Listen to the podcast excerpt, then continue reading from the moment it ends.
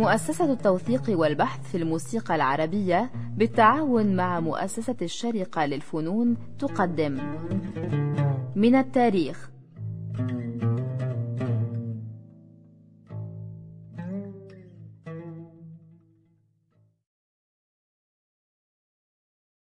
أهلا وسهلا بكم أصدقائنا المستمعين في حلقة جديدة من برنامج من التاريخ. نواصل ويواصل معنا الحديث الأستاذ الدكتور فريدريك لاجرونج عن عبد الحي أفندي حلمي.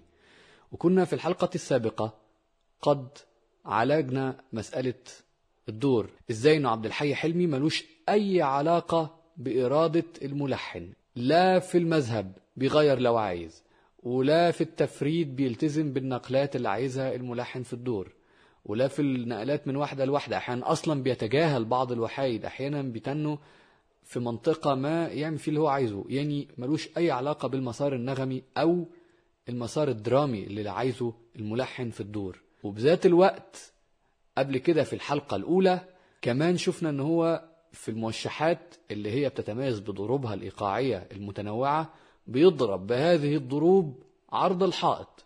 مالوش في أي حاجة خالص. إذا هو عايز هو بيقدر يلتزم بيها.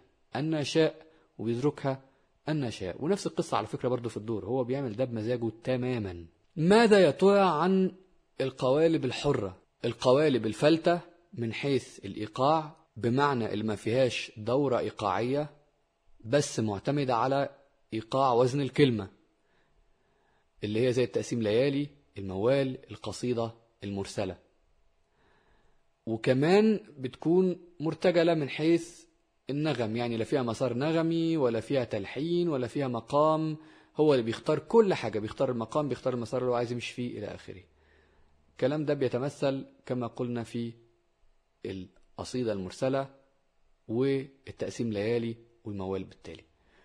طيب إيه رأيك يا سيدنا في معالجته لهذه القوالب اللي هي أكثر القوالب حرية وتصرف وارتجال؟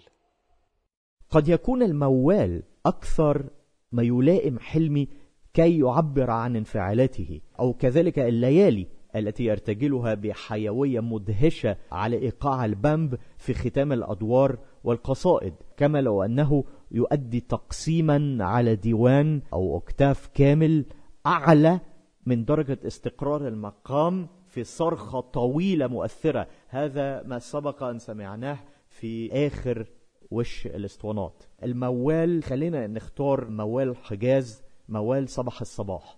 فودافون كومباني عبد الحي افندي حلمي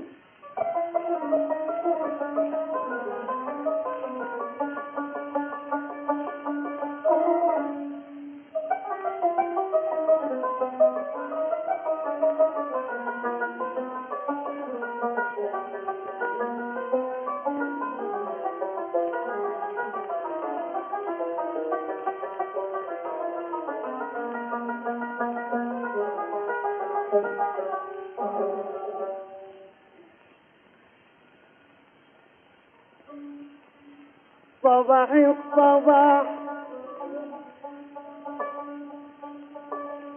صباح الصباح وأنا على المورد بدري كل البذور بتورد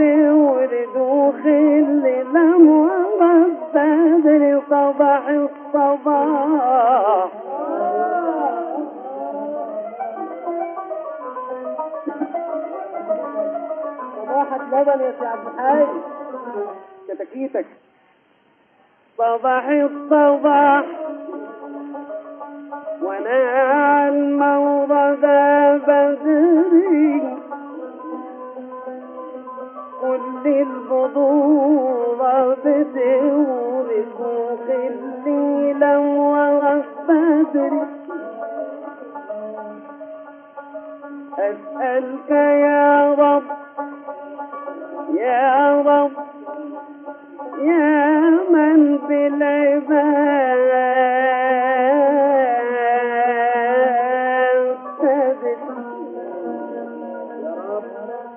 أسألك يا رب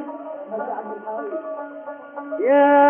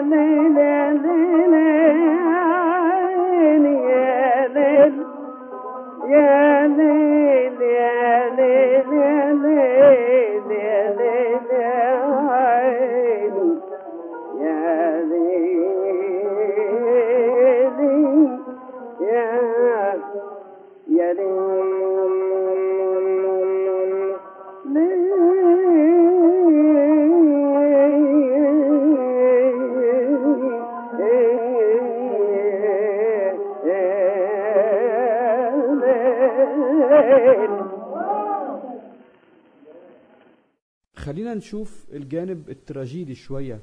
صوت عبد الحي حلمي تراجيدي في مأساة. إحنا مش عارفين أكيد إيه هي المأساة. وكمان خلينا نعرف عن التناقض برضو بين صوته وهو بيغني عالي دايما أو هو بيميل دايما للطبقة إلى أعلى في صوته. بينما لما بيتكلم تلاقي صوته قرار خالص. بخصوص النبرة المأساوية في صوت عبد الحي حلمي.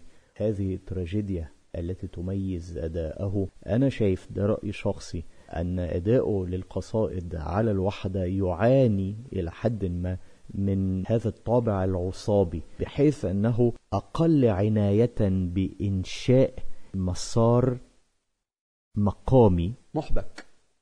محبك تماما مما نجده عند المنيلاوي أو بعد هذا الجيل عند أبو العلا محمد. فهو يترك نفسه لينحصر بإرادته في مقام واحد ولكن مزاجه يكاد يسجنه في جمل معقدة ملتوية ولكن قد تكون متكررة شيئا ما. وأغلب القصائد الموقعة التي سجلها مغناه على مقام البياتي خلاف الشيخ يوسف المنيلاوي الذي سجل قصائد من كل المقامات وحتى ابتكر كما سبق أن استمعنا إليه غناء القصائد على الوحدة من مقام عشاق. عبد الحي حلمي له نزوة. أدائه لقصيدة أراك عصي الدمع على مقام السيكا التسجيل الزونوفون الجميل. فنراه في هذا التسجيل يحاول عبثا أن يرتجل جملة ميلودية لحنية جديدة ولكنه يضطر إلى أن يعود سريعا إثر ذاك إلى مسار البياتي المطروق الذي اعتاده. نستمع إلى هذا التسجيل وتعطيني رأيك فيه.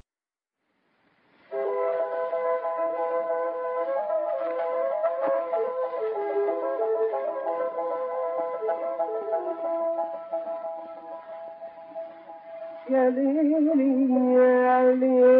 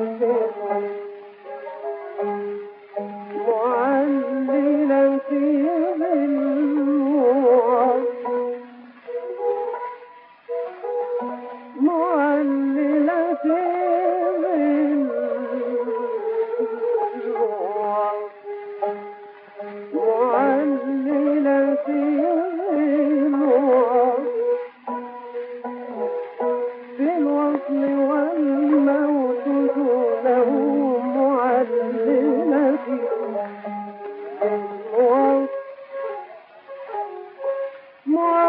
little thing.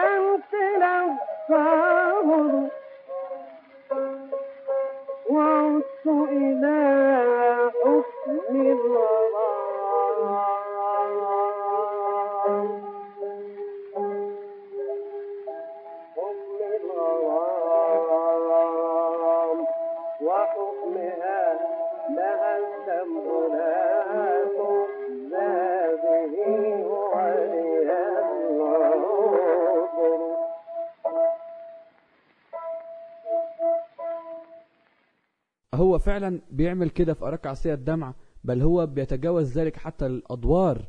في دور يا من توحشني مثلا وفي غيره كتير من الأدوار بس يا من توحشني هو المثل الواضح جدا. الدور محبك جدا محمد عثمان عامله محبك جدا وكل الناس سجلوه بهذه الحبكة. عبد الحي حلمي بدأ الدور حجاز كار وختمه بياتي. يعني هو يبدو إن هو بيضرب عرض الحائط مش بس في القصائد أو مش بس في المسار الشبه ثابت حتى في المسارات ذات الحبكة القوية إلى آخره برضه بيضرب بها عرض الحائط. مش فارق معاه هل هذه قصيدة ينبغي أن يكون فيها جزء كبير من الارتجال زي أراك عصية الدمع أم دور بدائي زي الورد فوق وجنات بهي الجمال أم حتى دور من الأدوار المتقدمة والمتطورة والمحبكة جدا زي دور يا ما أنت وحشني مش فارق معاه خالص. فعلا لذلك اقترح أن نستمع أيضا إلى الأسطوانة أو الوجه الأخير من دور يا من توحشني.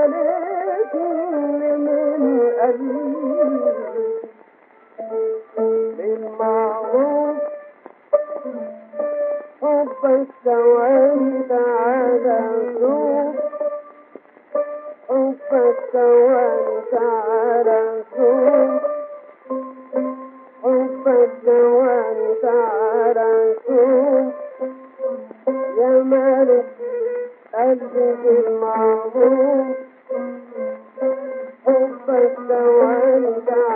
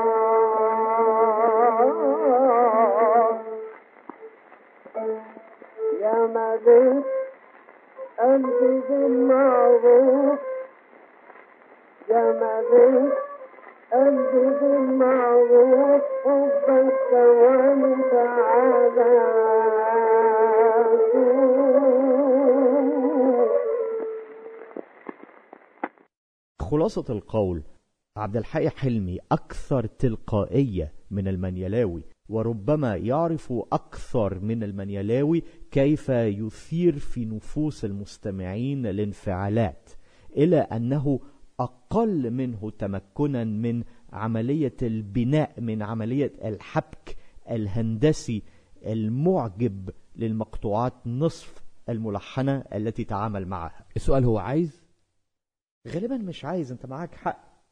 ما هو ده. الراجل مش عايز خالص. الراجل كل همه إن هو يعمل جملة تسلطن وتطرب وهو نفسه ينبسط بيها يبدو قبل الكل وخلاص. غير كده مش فارق معاه. وغير ذلك ماذا يفعله بصوته عبد الحي حلمي؟ هو يتيه دلالا بصوته. دايما. وعلى سيرة بقى يتيه دلالا والشيخ المنيلاوي الشيخ المنيلاوي الرصيد المسجل ليه من التراث الصوفي قليل جدا.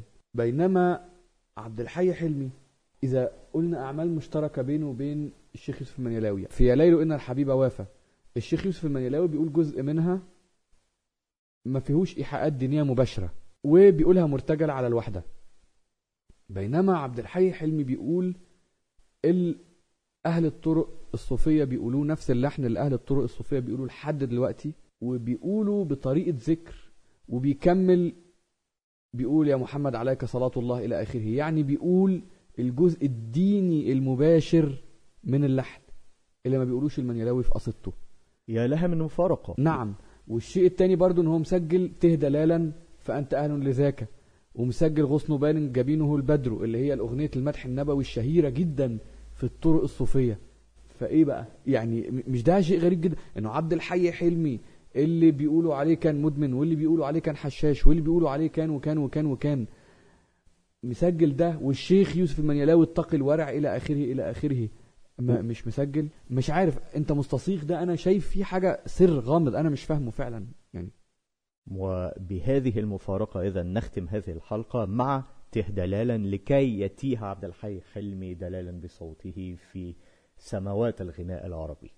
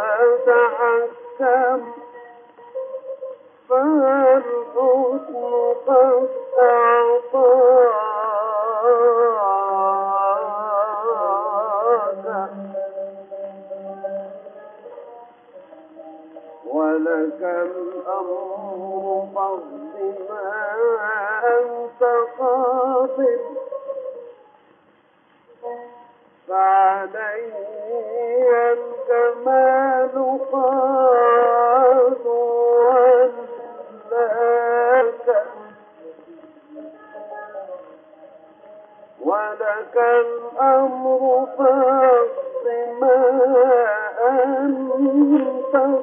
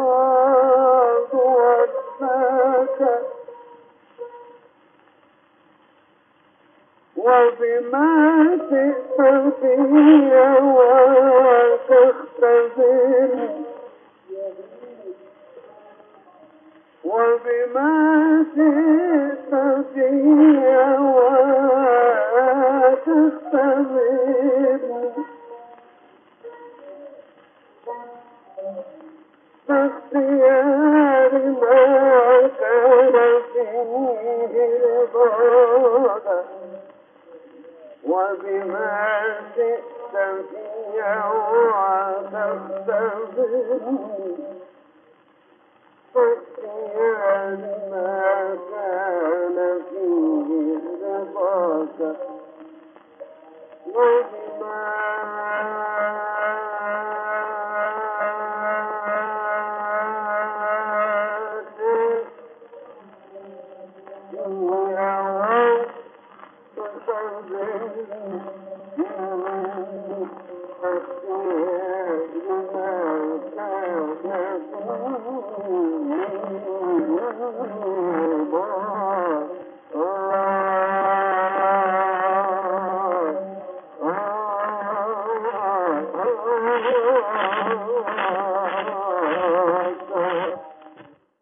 يا سلام يا سلام يا سلام على تهدلالا فأنت أهل لذاك.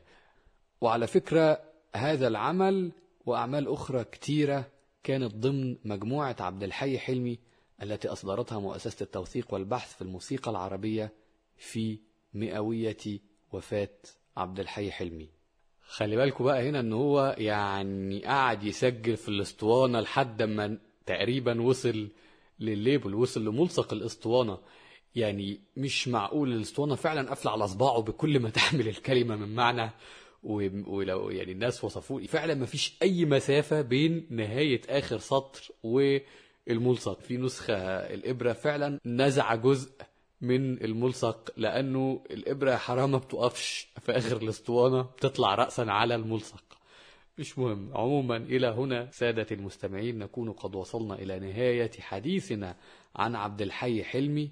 الشكر الجزيل للأستاذ الدكتور فريدريك لاجرونج اللي أمتعنا بتحليلاته الممتازة لعبد الحي حلمي إلى أن نلتقي في حلقة جديدة من برنامج من التاريخ نتحدث فيها عن شخصية أو حدث تاريخي جديد نترككم في الأمان.